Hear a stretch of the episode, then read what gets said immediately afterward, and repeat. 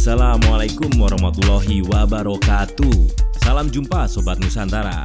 Terima kasih masih mendengarkan podcast BOM Belajar Online Marketing bersama saya Krisma Wibowo. Pada podcast hari ini kita akan berjalan-jalan ke Morotai, Pulau Morotai di Maluku Utara. Apa yang ada di sana? Kenapa kok tiba-tiba podcast BOM Belajar Online Marketing jalan-jalan ke Morotai?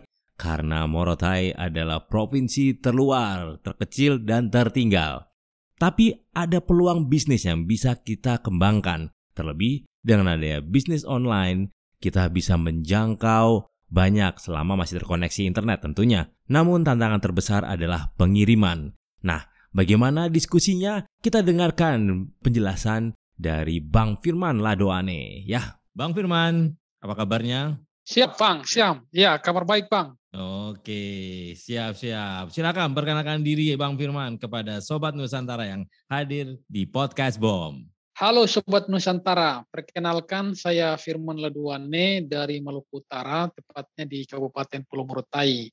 Kabupaten Pulau Morotai ini adalah 10 Bali baru yang ditetapkan oleh Kementerian Pariwisata.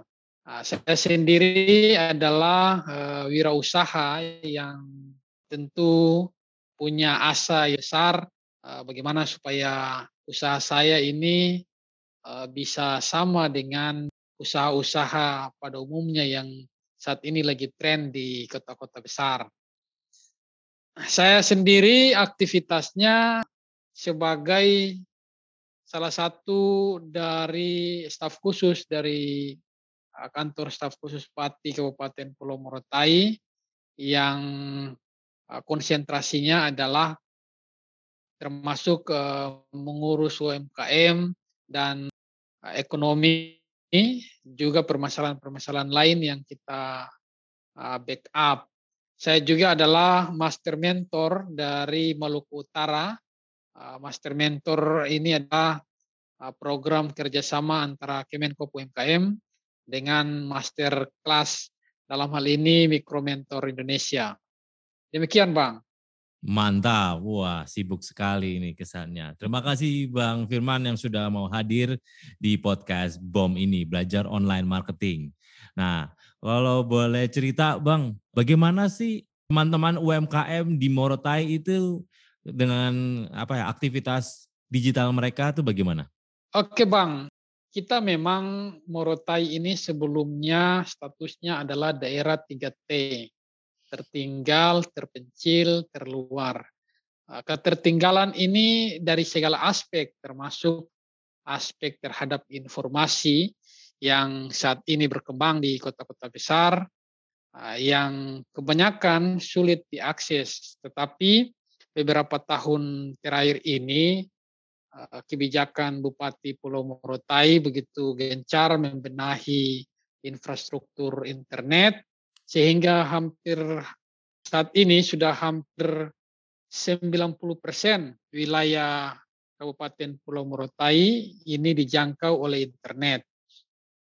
Dan ini implikasinya menyebabkan banyak masyarakat kita yang sudah bisa mengakses internet, apakah itu media sosial ataupun eh, mereka sudah mulai bisa bertransaksi eh, secara online dalam hal beli barang maupun jual beli.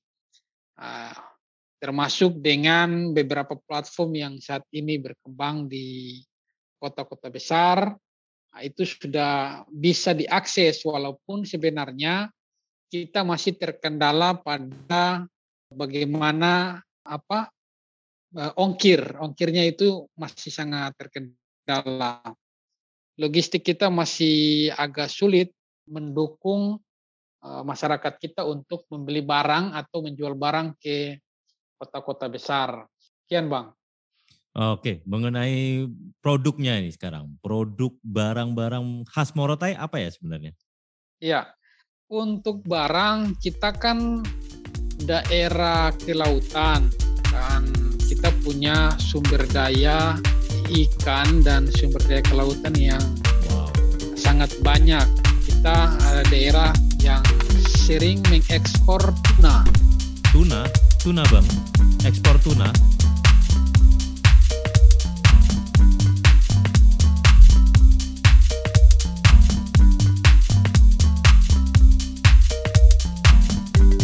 Kasih Anda masih mendengarkan Podcast BOM Belajar Online Marketing bersama Krisma Wibowo Digital strategis yang membantu usaha UMKM di dunia digital. Follow Podcast BOM Belajar Online Marketing.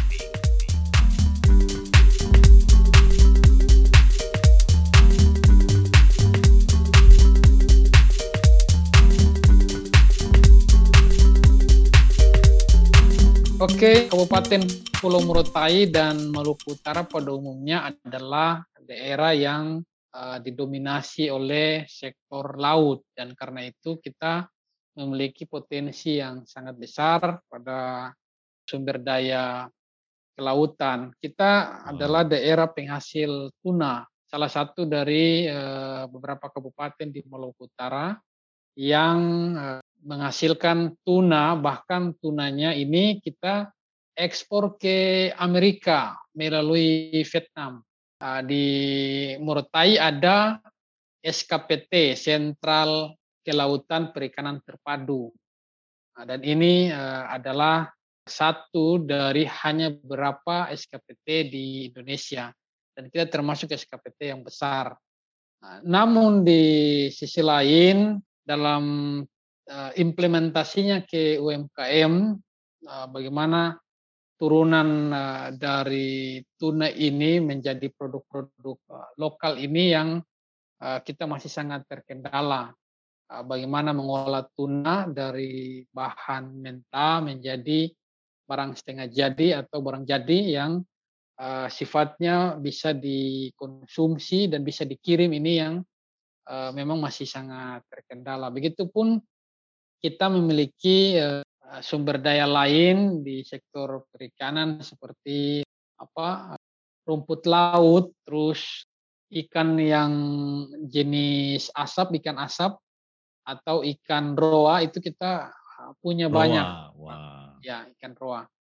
Cuman kendala kita adalah bagaimana pengiriman dan pasarnya sebenarnya bisa kita temukan dengan mudah di internet. Hanya saja pengiriman kita ini masih sangat uh, tinggi. Satu kilogram dari Morotai itu 65 ribu. 65 ribu? ribu. Wow. Ya, ke, ke Jakarta. Jakarta. Itu yang paling murah. Itu kalau ongkir, eh ongkir apa? Over bagasi. Itu kalau uh, logistik seperti JNE kurang lebih mungkin 95 ribu. Kemarin terakhir saya 95 ribu. Wow. Wah, padahal itu sebenarnya roa ikan tuna itu produk, ya benar kata Bang Firman ya, sebenarnya peminatnya itu tinggi, tapi pengirimannya ini menjadi PR nih sebenarnya, ini ada peluang sebenarnya ya. Itu pengiriman kalau bisa, kalau lewat laut bagaimana? Bukannya lebih murah atau bagaimana ya? Untuk sementara nilaian kita itu menangkap tuna ini dan disalurkan atau dijual ke SKPT. Okay. SKPT ini yang membeli dan uh, mengolahnya dan seterusnya diekspor. Nah, dan ini diekspor ke Amerika lewat Vietnam. Apa tadi SKPT apa artinya?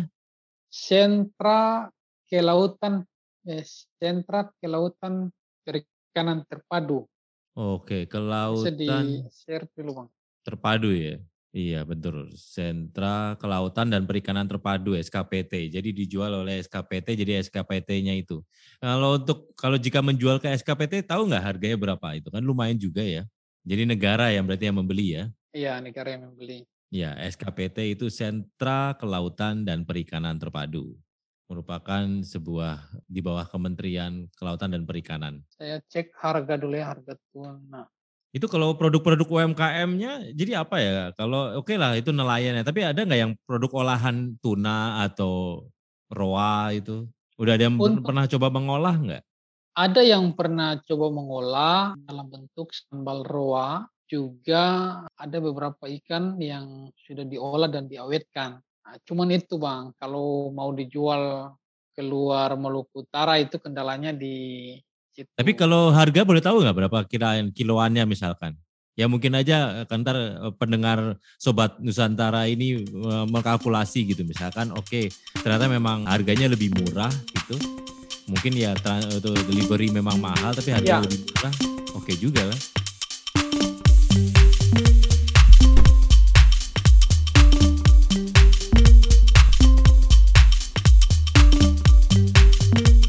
Terima kasih Anda masih mendengarkan podcast BOM Belajar Online Marketing bersama Krisma Wibowo, digital strategis yang membantu usaha UMKM di dunia digital.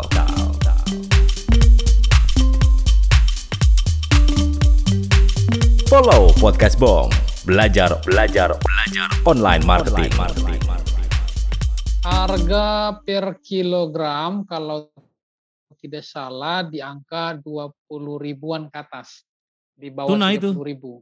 Ya tuna. Daging tuna segar dua puluh ribu. Ya daging tuna itu yang udah beratnya di atas 20 kilogram. Itu bentuknya fillet apa ikan berarti ya? Ya tuna loin, tuna loin ukurannya besar. Sudah oh, okay. sebesar manusia bang. Ya. Oh tapi nggak nggak ada yang olahan yang tinggal fillet gitu, yang ya, dagingnya aja. Ya. ya. Ada, ada yang jual itu juga. Nah itu di SKPT. Kalau untuk dijual di luar paling yang ukurannya uh, tidak memenuhi syarat untuk dijual di SKPT. Di antaranya yang ukurannya di bawah 10 kg. Nah, itu biasanya masuk ke pasaran. Setelah masuk ke pasar, ini nanti diolah menjadi ikan-ikan yang bisa dikonsumsi di masyarakat. Misalkan ikan asap atau mentah yang dijual di pasaran. Untuk pengelolaan menjadi barang jadi atau barang setengah jadi yang bisa dijual punya nilai uh, jual gitu ya?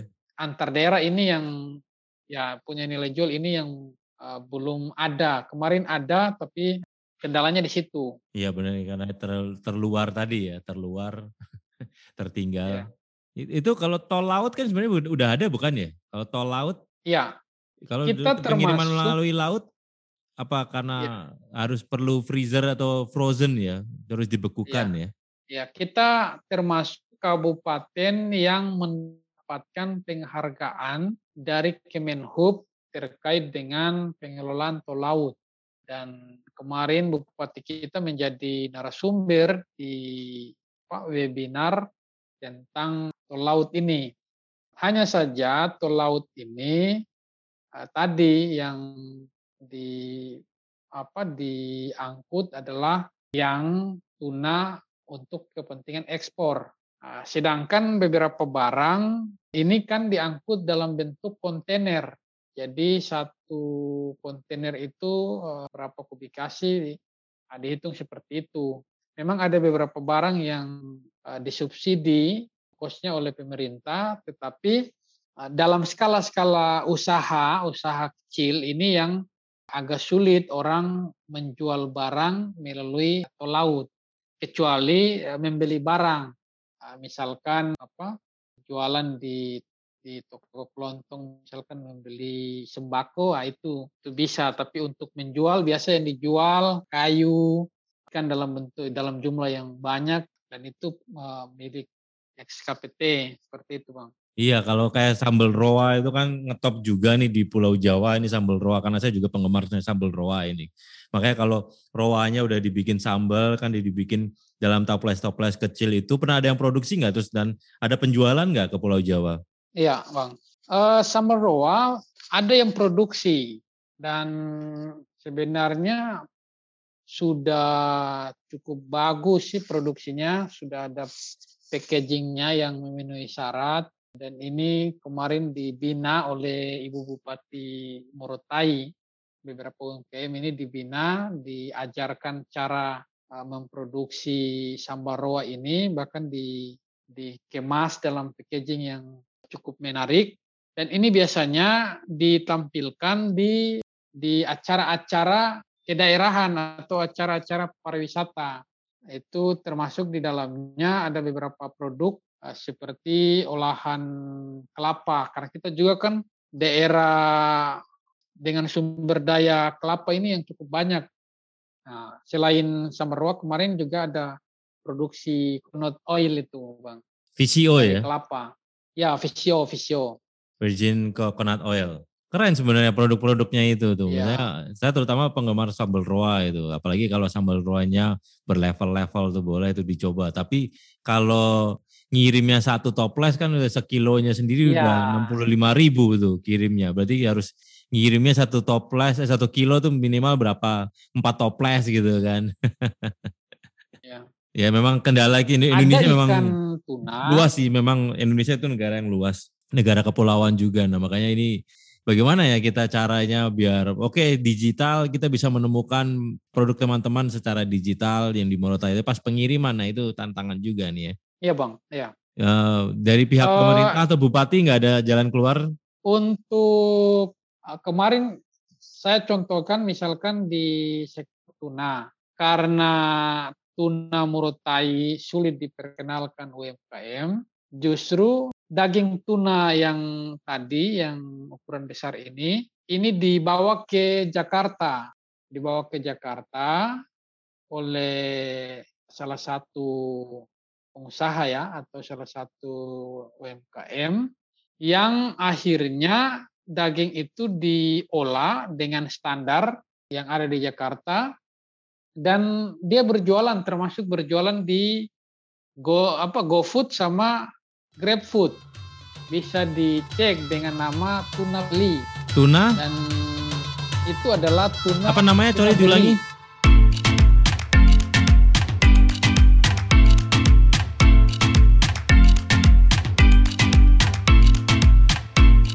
Terima kasih Anda masih mendengarkan Podcast BOM Belajar Online Marketing bersama Krisma Wibowo Digital strategis yang membantu usaha UMKM di dunia digital Follow Podcast BOM Belajar online marketing. Online marketing. Online marketing. Online marketing. Online marketing. Tuna tuna belly. Oh, tuna deli. Tuna belly. B E L L Y. Oke. Okay. Ya, itu bisa lagi dicek di Instagram. Tuna belly. Oh, ya. belly perut ya. Tuna belly. Ya, L2, oh, Bang. Keren juga ya. Ya. Saya lagi nyarung langsung ya, tuna belly ini, nyari nih. Tuna beli ini adalah tuna yang betul-betul berasal dari Morotai.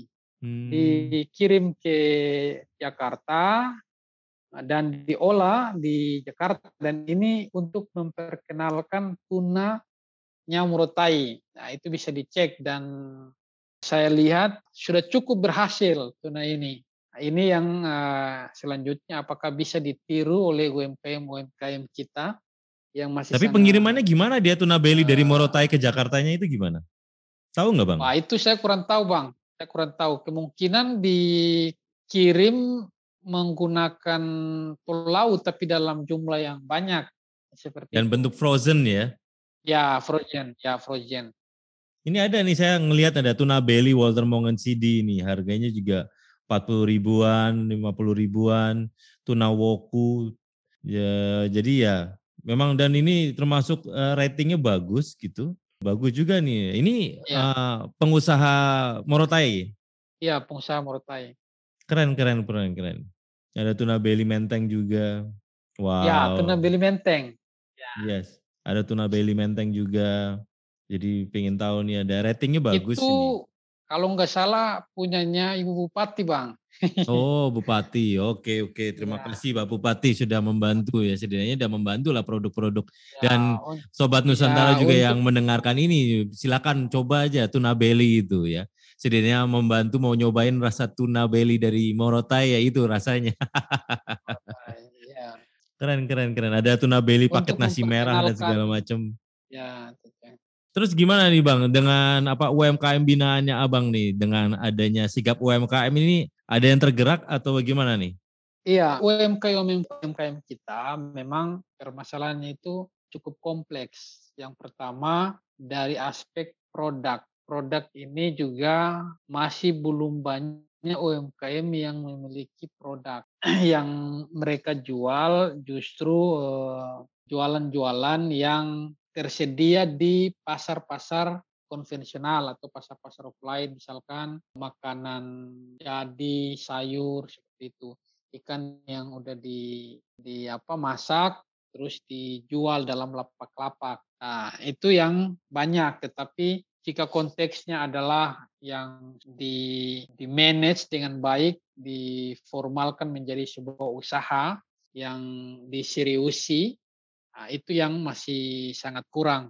Nah, begitupun untuk uh, UMKM UMKM kita yang jualan di media sosial misalkan di internet, mereka baru memanfaatkan platform Facebook karena tadi setelah internet di Morotai menjangkau hampir 90% masyarakat di Kabupaten Pulau Morotai, ini berkonsekuensi terhadap dinamika jual beli di media sosial. Jadi orang tidak tidak apa tidak menggunakan rumus-rumus tertentu. Dia cukup foto apa yang dia punya, misalkan di salah satu kecamatan yang mereka apa mata pencariannya adalah menangkap lobster misalkan. Ada lobster juga. Wow, dapat lobster, lobster juga. dia Iya ada bang, banyak juga. Wah.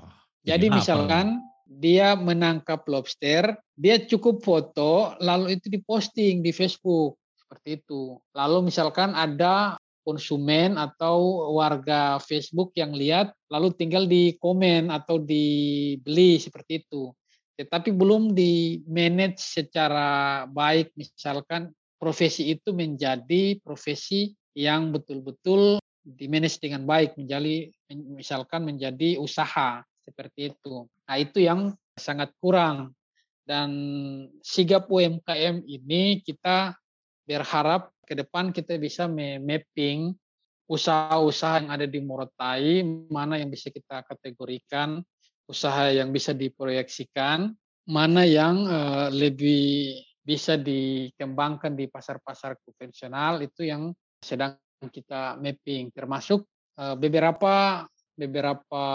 usaha-usahawan baru uh, dari generasi Z yang baru muncul saat ini ini uh, sudah mengenal apa itu reseller dan dropshipper tetapi sifatnya masih kebanyakan pada konteks fashion seperti itu.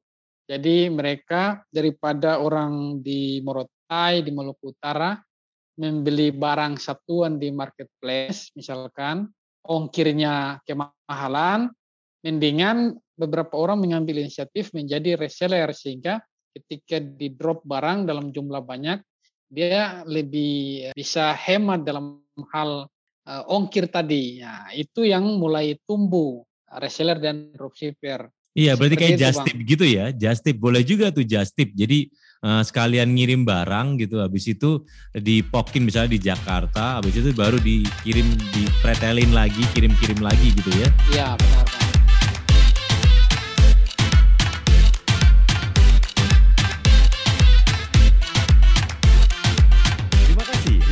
Terima kasih Anda masih mendengarkan podcast BOM Belajar Online Marketing bersama Krisma Wibowo, digital strategis yang membantu usaha UMKM di dunia digital.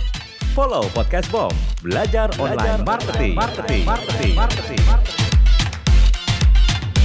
Cerdas itu, cerdas itu. Nah, terutama produk-produk yang tadi Bang Firman sebutkan tuh benar-benar punya nilai nilai tinggi loh seperti lobster, tuna. Hanya saja produk olahannya ini ya, produk olahan mungkin seperti dendeng, de, eh sorry dendeng tuna, apa rendang tuna gitu kan, lucu juga itu sebenarnya. Iya iya benar. Makanya memang diperlukan ya itu mungkin ya, ya itu salah satunya adalah uh, just tip tadi itu jasa titip. Ada yang mungkin melewati apa pesawat atau nggak tahu saya cuma mikirin the iya. idea ya. saja ada apa Leon Parcel itu bisa lebih murah nggak sih Leon Parcel kayak gitu? Ya Leon Parcel ada dan itu yang memang bisa dijangkau. Cuman saya belum pernah coba bang. Saya kan jualannya lokal. Ya iya iya. Nah, saya lagi berpikir karena tinggal antar, produk olahannya aja nih produk olahan lokal yang punya nilai jual seperti rendang tuna kan itu bagus juga tuh rendang tuna, terus iya. habis itu apa lobster tadi disebutin, itu juga roa. Ya tinggal itunya aja apa uh, just tipnya tadi. Kalau memang ada sering yang trayeknya sering gitu regular dan segala macam, mungkin itu bisa kita titipin dan segala macam. mungkin Bang Firman juga mulai mendekatkan juga ke ya kayak gitu penerbangan-penerbangan. Di situ ada penerbangan direct atau dari mana ke mana? Penerbangan kita dari Morotai ke Ternate, Ternate ke Jakarta. Oh, okay. Ada juga Morotai Manado, Manado Jakarta. Oh, nggak nggak heran ya banyak yang itu roa dari Manado juga, mungkin mengambilnya dari Morotai mungkin ya. Ya, ya. Ada Sambal beberapa nelayan kita yang berjual langsung ke Manado seperti itu. Dia bermitra hmm. dengan beberapa beberapa pengusaha dari Manado ambil barang di Morotai dalam jumlah yang banyak dibawa ke Manado, terutama yang roa itu, bang. Iya betul. Kalau roa betul. itu memang nggak ada pengelola, pengelolaan pengolahannya di Morotai nggak ada. Dia cuma tangkap di Morotai eh, dan kebanyakan setelah di asap, di asapin dia, dia dibawa ke Manado dan di Manado yang diolah. Oh ya udah memang berarti memang susah ya, belum ada yang produsen uh, olahan ya berarti ya di Morotai ya, lebih pada produsen bahan mentah ya, berarti ya. Ya. ya, saya justru sedang apa memproyeksikan masalah-masalah tadi misalkan bahkan yang GMB saja Bang itu uh, belum banyak yang menggunakan baru uh, satu dua orang yang uh, punya pengalaman di luar Morotai pulang ke Morotai mereka membangun usahanya yang sudah familiar dengan pemanfaatan platform-platform ini yang sudah gunakan.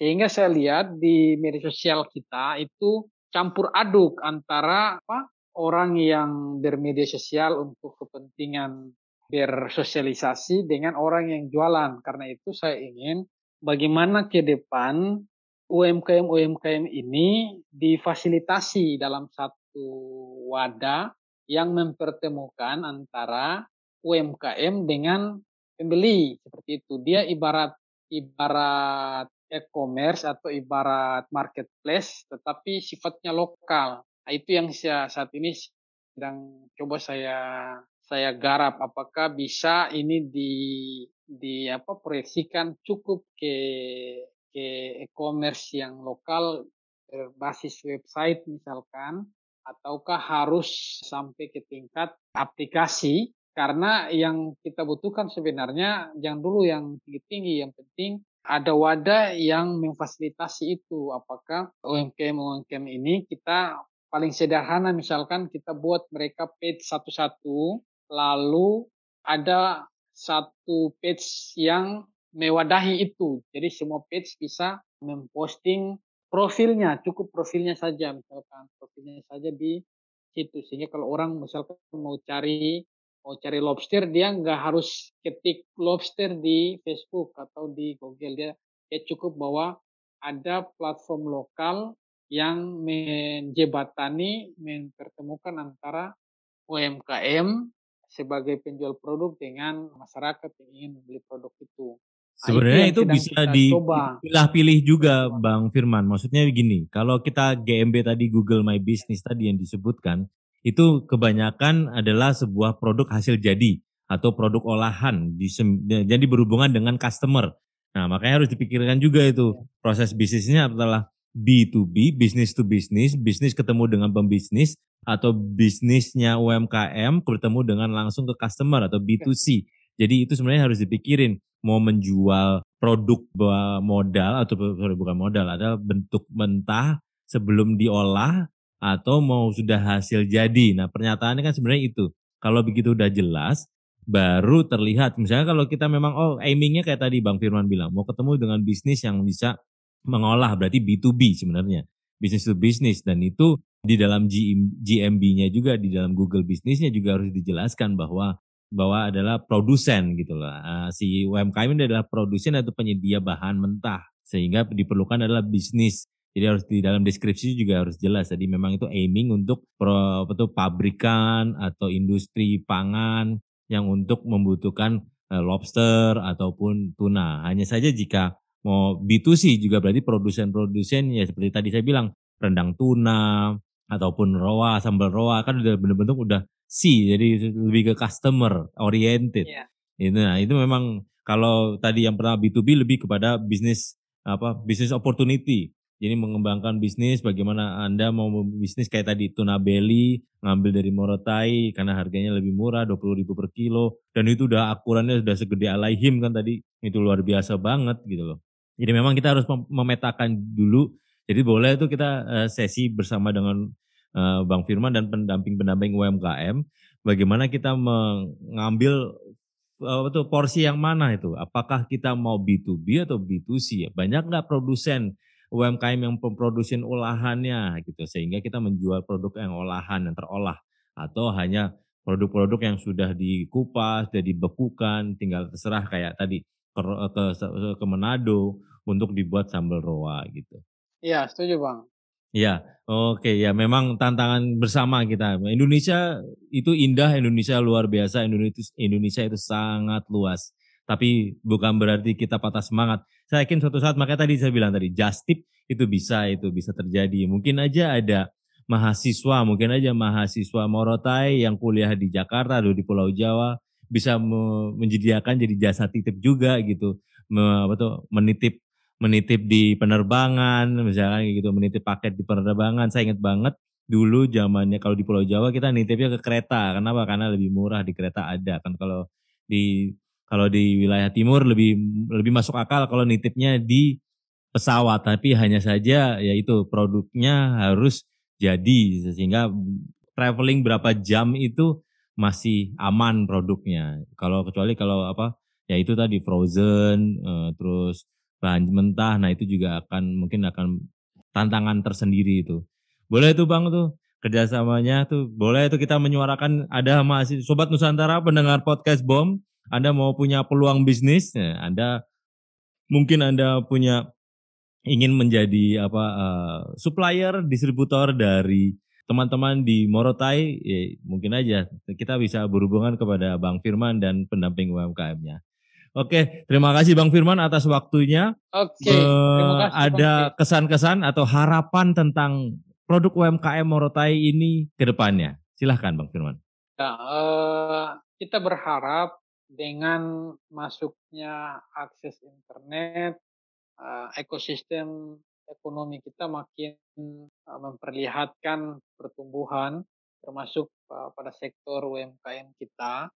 Bahkan apa yang berkembang di kota-kota besar itu bisa diadopsi atau setidaknya itu bisa diterapkan dengan skala yang lebih menyesuaikan dengan kita yang ada di daerah.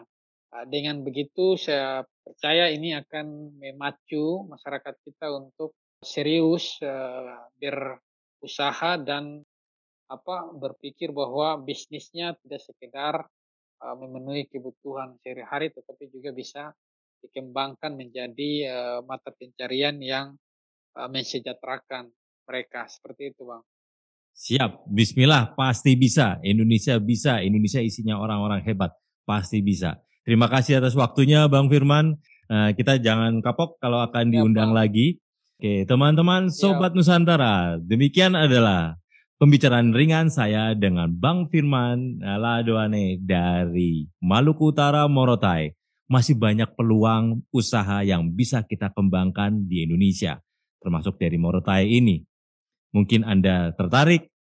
Ya silahkan saja, karena tantangan terbesar adalah travelnya atau jalur eh, pengiriman dan segala macam. Mungkin nanti Sobat Nusantara ada yang dari pihak penerbangan mau membantu UMKM-UMKM eh, dengan produk olahan mereka yang dari wilayah timur sehingga bisa lebih dekat dengan uh, Pulau Jawa atau kota-kota besar lainnya.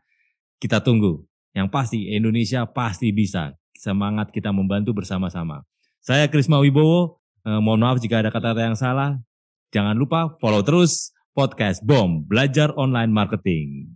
Terima kasih. Wabillahi taufiq wa Wassalamualaikum warahmatullahi wabarakatuh. Terima kasih Assalamualaikum warahmatullahi wabarakatuh.